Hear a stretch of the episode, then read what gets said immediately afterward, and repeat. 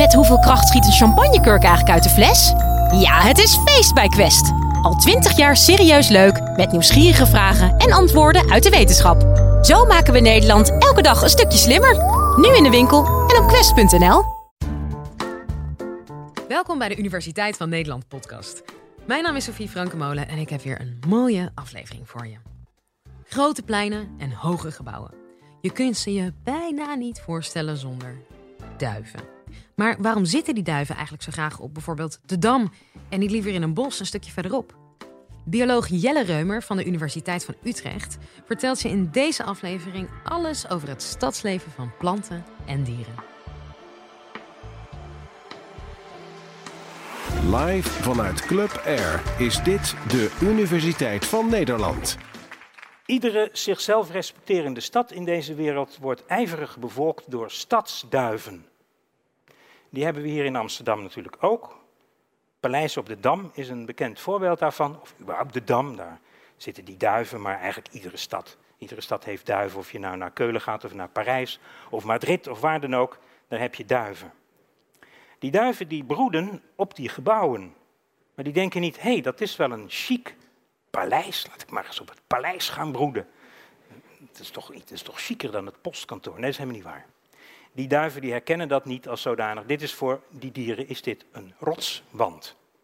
Stadsduiven zijn verwilderde postduiven. En postduiven zijn gedomesticeerde rotsduiven. En het woord zegt het al, rotsduiven. Die broeden van nature op rotsen. Dat zijn rotsbroeders. Rotswanden, nou hebben we eigenlijk in Nederland van nature helemaal geen rotswanden. Dus dan moet je voor naar de Ardennen of de Eifel of Frankrijk of nog verder. En daar komen deze duiven van nature voor. In ons land niet. Maar ehm, sinds er steden gebouwd worden, maken wij rotswanden. En kunnen die duiven daar dus uh, uitstekend hun nesten bouwen. Dat vinden we natuurlijk weer niet leuk, want ze poepen alles onder en dan krijg je dat gedoe met die duivenpinnetjes of schrikdraad of zo. Maar dat is onze schuld. Wij bouwen rotswanden voor die duiven. Overigens bouwen wij die rotswanden voor een heleboel andere soorten. Want als je zo'n gebouw gaat bekijken, muurvarentjes van allerlei soorten, ook schubvarens en steenbreekvarens. Je hebt muurbewonende spinnen. En je hebt behalve die duiven nog een heleboel andere vogels die het fijn vinden om, uh, om op rotswanden te broeden. Of, of in kleine gaatjes en nisjes in rotswanden. Bijvoorbeeld gierzwaluwen of, of slechtvalken of roodstaarten. Die vinden het hartstikke fijn. Dus die herkennen zo'n gebouw, wat wij een gebouw noemen, als een, als een rots waar ze zich kunnen vestigen. In Rotterdam, vlak naast mijn, uh, of als ik uit mijn raam kijk van het museum waar ik werk, dan staat daar een vorig jaar gebouwde toren van het Erasmus Medisch Centrum. Enorm hoog dat gebouw. Uh, en daar heeft de, de, het Erasmus MC heeft daar heel groot het logo opgebracht. En dat is een, de handtekening van Erasmus in een blauwe, een hemelsblauwe uitvoering. Dat hebben ze daar uh, aangebracht. En het gebouw was nog niet opgeleverd, het was nog niet klaar. Of daar had iemand in de gaten dat dat een uitstekende plek is om te gaan zitten. Daar zit een slechtvalk. Een roofvogel die ook van rotswanden houdt, in ieder geval van hoge uitkijkpunten, om daar te gaan zitten en de, en de omgeving eens even in zich op te nemen.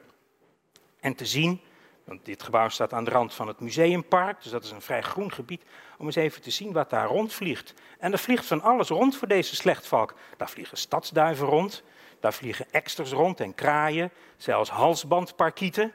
En, uh, en af en toe dan neemt hij de wiek en dan plukt hij zo'n vogel uit de lucht. Slechtvalken zijn de enige roofvogels die in staat zijn om die ongelooflijk hardvliegende halsbandparkieten uit de lucht te plukken in volle vaart. Zie het even voor je.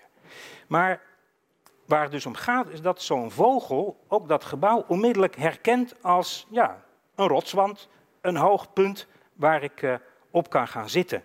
En dat is eigenlijk dus ook een nieuwe soort voor Nederland. Dus dat zijn, dat zijn rotsbewoners, maar dan zitten er in de stad heel veel andere soorten ook dan alleen maar rotsbewoners. Je vindt bijvoorbeeld in de stad ook soorten die, het, uh, die, die profiteren van het feit dat het in de stad warm is. De stad is warmer dan het buitengebied. En hoe groter de stad, hoe groter dat verschil. Dat noemen ze het Urban Heat Island of het stedelijk warmte-eiland. Dat heeft allerlei oorzaken. Het verkeer produceert een hoop warmte. het stoken van, van huizen produceert een hoop warmte. Maar ook het feit dat de zon op de gebouwen, dus op de stenen en op de asfaltwegen schijnt en dat overdag opwarmt. En dat die warmte wordt s'nachts ook weer uitgestraald. Dat zorgt er allemaal voor dat de stad warmer is dan het omringende gebied. Je hebt allerlei soorten die profiteren daarvan. Een beroemd voorbeeld uit Utrecht in dit geval. Al, al jarenlang groeit daar een vijgenboom. Die is daar spontaan opgekomen. Wij denken natuurlijk, dan moet je van naar Italië of Zuid-Frankrijk minstens. Nee, die groeit gewoon midden in Utrecht. En zo zien we een heleboel andere soorten ook in de stad die daar niet buiten zitten. De, de zuidelijke boomsprinkhaan is een grappig voorbeeld. Dat is een klein groen sprinkhaantje dat, dat inderdaad in, in bomen leeft.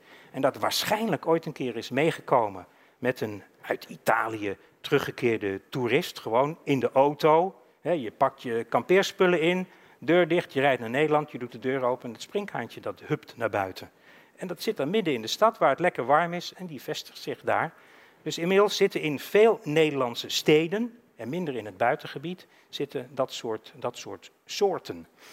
Uh, dus je hebt rotsbewoners, je hebt warmteprofiteurs, je hebt ook nog een heleboel achterblijvers, soorten die hier altijd al gewoond hebben en die zich eigenlijk niks aantrekken van het feit dat wij een stad bouwen, maar daar gewoon blijven zitten. Koolmezen bijvoorbeeld, of, uh, of merels, die zitten nog steeds in de stad, die zaten hier altijd al.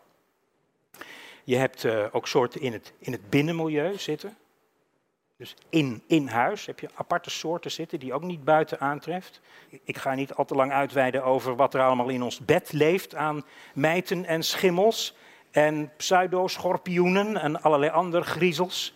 Um, maar we kennen bijvoorbeeld ook de zilvervisjes in huis. We kennen die hele magere trilspinnen die vaak in keukenkastjes of boven in je toilet hangen. Dat zijn ook typische urbane soorten. Uh, en dan hebben we natuurlijk nog een heleboel soorten die wij zelf importeren als huisdier of als, uh, of als tuinplant bijvoorbeeld, of als beest in de vijver. dus huisdieren, ornamentals, uh, heet dat in mooi Engels, tuinplanten, sierplanten.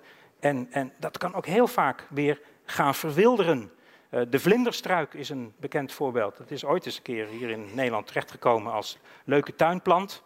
En, um, en die, is nu, die zit nu ook overal in het buitengebied. En wat ook interessant is, is, is om te zien dat je dus in de stad allerlei soorten hebt die van hele verschillende herkomst zijn. Dus uit het Middellandse zeegebied bijvoorbeeld. Of uh, of rotsbewoners, die hier ook van oorsprong niet thuis horen. En die komen dus allemaal bij elkaar in dat stedelijk ecosysteem. En die kunnen dus ook nieuwe relaties met elkaar aangaan. Ik, ik noemde die slechtvalk en die halsbandparkiet. Nou, is de slechtvalk is een bijna een soort die over de hele wereld voorkomt. En ook wel in het gebied waar oorspronkelijk de halsbandparkiet vandaan komt, in Midden-Afrika en India. Dus slechtvalken zijn wel af en toe gewend om een halsbandparkiet te pakken. Maar de Nederlandse slechtvalken natuurlijk niet. Dus je ziet dat er op die manier ook nieuwe ecologische relaties ontstaan tussen, uh, tussen soorten. De stad is op die manier, ook door al die import van soorten, enorm biodivers. Er zit een hele grote biodiversiteit in de stad. En tegenwoordig is het zelfs zo, in ieder geval in Nederland en dit deel van Europa, dat uh, de biodiversiteit in de stad groter is dan buiten de stad. Dat heeft ook een heleboel oorzaken. Die liggen voor een deel natuurlijk ook buiten de stad, omdat zeker in, in, in Nederland het, het, het, het platteland, wat wij het platteland noemen, dat wordt steeds meer een agrarisch industriegebied, waar verder alles een beetje wordt, wordt, uh, wordt verdelgd. Dus dat wordt steeds monomaner en minder, minder soortenrijk. En de stad wordt juist steeds soortenrijker. Door al dat soort import overal vandaan, maar ook omdat de stad door zijn diversiteit heel veel micro habitats heeft, kleine milieuetjes. Stel je voor, je zet een huis ergens neer, een gebouw, gewoon ergens op een willekeurige plek. Uh, dat is eigenlijk een soort heuvel met een zonzijde en een schaduwzijde. Met een kant waar de wind tegenaan waait en een kant waar het altijd rustig is. Met een kant waar het meer regent en een kant waar het minder regent. Uh, dus zelfs één gebouw creëert al microhabitats aan, aan verschillende zijden. Dan hebben we natuurlijk de bodem in de stad, de. De grond. Eh, heel veel verschillende grondsoorten, die brengen we op. Die halen we ergens vandaan. Uh, in de 19e eeuw werden alle spoordijken in de stad, ook in het westelijk deel van Nederland, Amsterdam, Rotterdam, Den Haag, Leiden, werden aangelegd met zand, wat uit de Utrechtse heuvelrug kwam. We hebben dus nu dat soort zand in het westen zitten, met eigen flora die daar weer op hoort. Ehm, we halen zand uit de zee tegenwoordig, ook om van alles op te hogen. We halen uh, baggere dingen uit. En dat, dus we krijgen heel veel verschillende grondsoorten, heel veel verschillend grondgebruik. En dat brengt allemaal dus verschillende habitats met zich mee. En op die manier, door die. En, en, en dan heb je natuurlijk ook nog het verschillende beheer. Hè. Je, kunt zo'n, je kunt zoiets kun je helemaal dicht plaveien. Met tegels of stenen. En dan loopt het regenwater snel af. Je kunt het ook gazon doen zijn. Je kunt het ook volstrekt laten verwilderen. En je ziet ook als je door een willekeurige straat loopt. En je kijkt zo eens naast je wat de mensen allemaal aan voortuintjes hebben aangelegd. Ieder voortuintje is anders. Iedereen doet dat op een andere manier. En dat vinden we leuk om naar te kijken. Maar voor de natuur biedt dat ook weer allemaal verschillende habitatjes, microhabitatjes. En als gevolg van al dit soort effecten zien we dat de stad dus enorm veel kansen biedt aan heel veel verschillende soorten om zich, uh, om zich te vestigen. Dus de stad is heel rijk aan soorten, rijk aan flora, rijk aan fauna. En de conclusie is dus dat, uh, dat heel veel soorten het uitstekend doen in het stedelijk gebied. Dat was Jelle Reumer. Wil je nog even verder luisteren? Check dan vooral de rest van onze playlist, want we hebben nog veel meer colleges voor je in de aanbieding. Heel graag tot de volgende.